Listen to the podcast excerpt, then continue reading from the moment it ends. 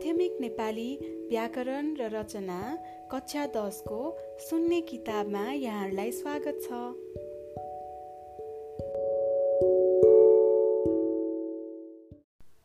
अब हामी एकाइ नौको भाग दुईमा आएका छौँ। पाना नम्बर पचासी ख नम्बरमा केही संस्कृत कृत प्रत्ययबाट शब्द निर्माण।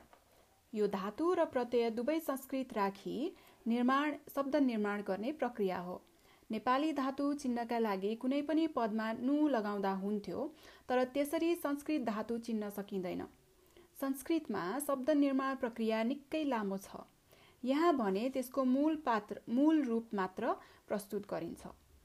अक लेख प्लस अक लेखक पढ प्लस अक पाठक दृश्य प्लस अक दर्शक सेव प्लस अक सेवक वध प्लस अक बाधक सूच प्लस अक सूचक। अन लिख प्लस अन लेखन पठ प्लस अन पठन दृश्य प्लस अन दर्शन भाष प्लस अण भाषण भोज प्लस अन भोजन मुच प्लस अन मोचन। अनिय दृश्य प्लस अनिय दर्शनीय पठ प्लस अनिय पठनीय पूज प्लस अनिय पूजनीय मन प्लस अनिय मननीय रम प्लस अनिय रमणीय श्रु प्लस अनिय श्रवणीय। आ पुज प्लस आ पूजा कथ प्लस आ कथा शिक्ष प्लस आ शिक्षा इश प्लस आ इच्छा भाष प्लस आ भाषा क्षम प्लस आ क्षमा। इका लिख प्लस इका लेखिका गई प्लस इका गायिका सेव प्लस इका सेविका शिक्ष प्लस इका शिक्षिका क्री प्लस इका कारिका नि प्लस इका नायिका। इत। लेख प्लस इत लिखित, कथ प्लस इत कथित, पठ प्लस इत पठित, पट प्लस इत पतित, पाल प्लस इत पालित, रच प्लस इत रचित। ई युज प्लस ई योगी, भुज प्लस ई भोगी, त्यज प्लस ई त्यागी, दुष प्लस ई दोषी, वध प्लस ई वादी, हन प्लस ई घाती।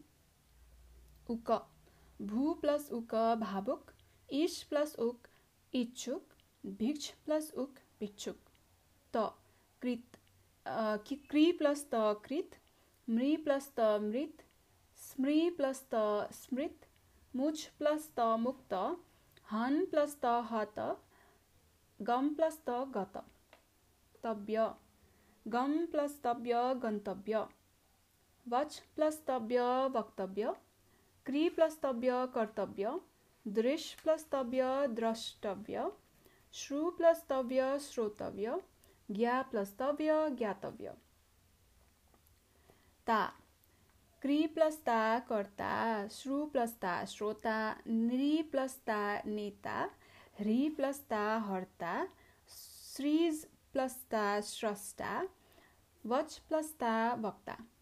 ती गम प्लस ती गति मन प्लस ती मति क्री प्लस ती कृति मुच प्लस ती मुक्ति नि प्लस ती नीति गई प्लस ती गीति न दा प्लस न दान स्था प्लस न स्थान वीर प्लस न भिन्न य पठ प्लस य पाठ्य क्री प्लस य कार्य दृश्य प्लस य दृश्य वच प्लस य वाच्य ज्ञा प्लस य ज्ञेय पा प्लस य पेय अब यसका साथै हामीले संस्कृतकृत प्रत्ययबाट हुने शब्द निर्माणको अन्त्य गर्दैछौँ।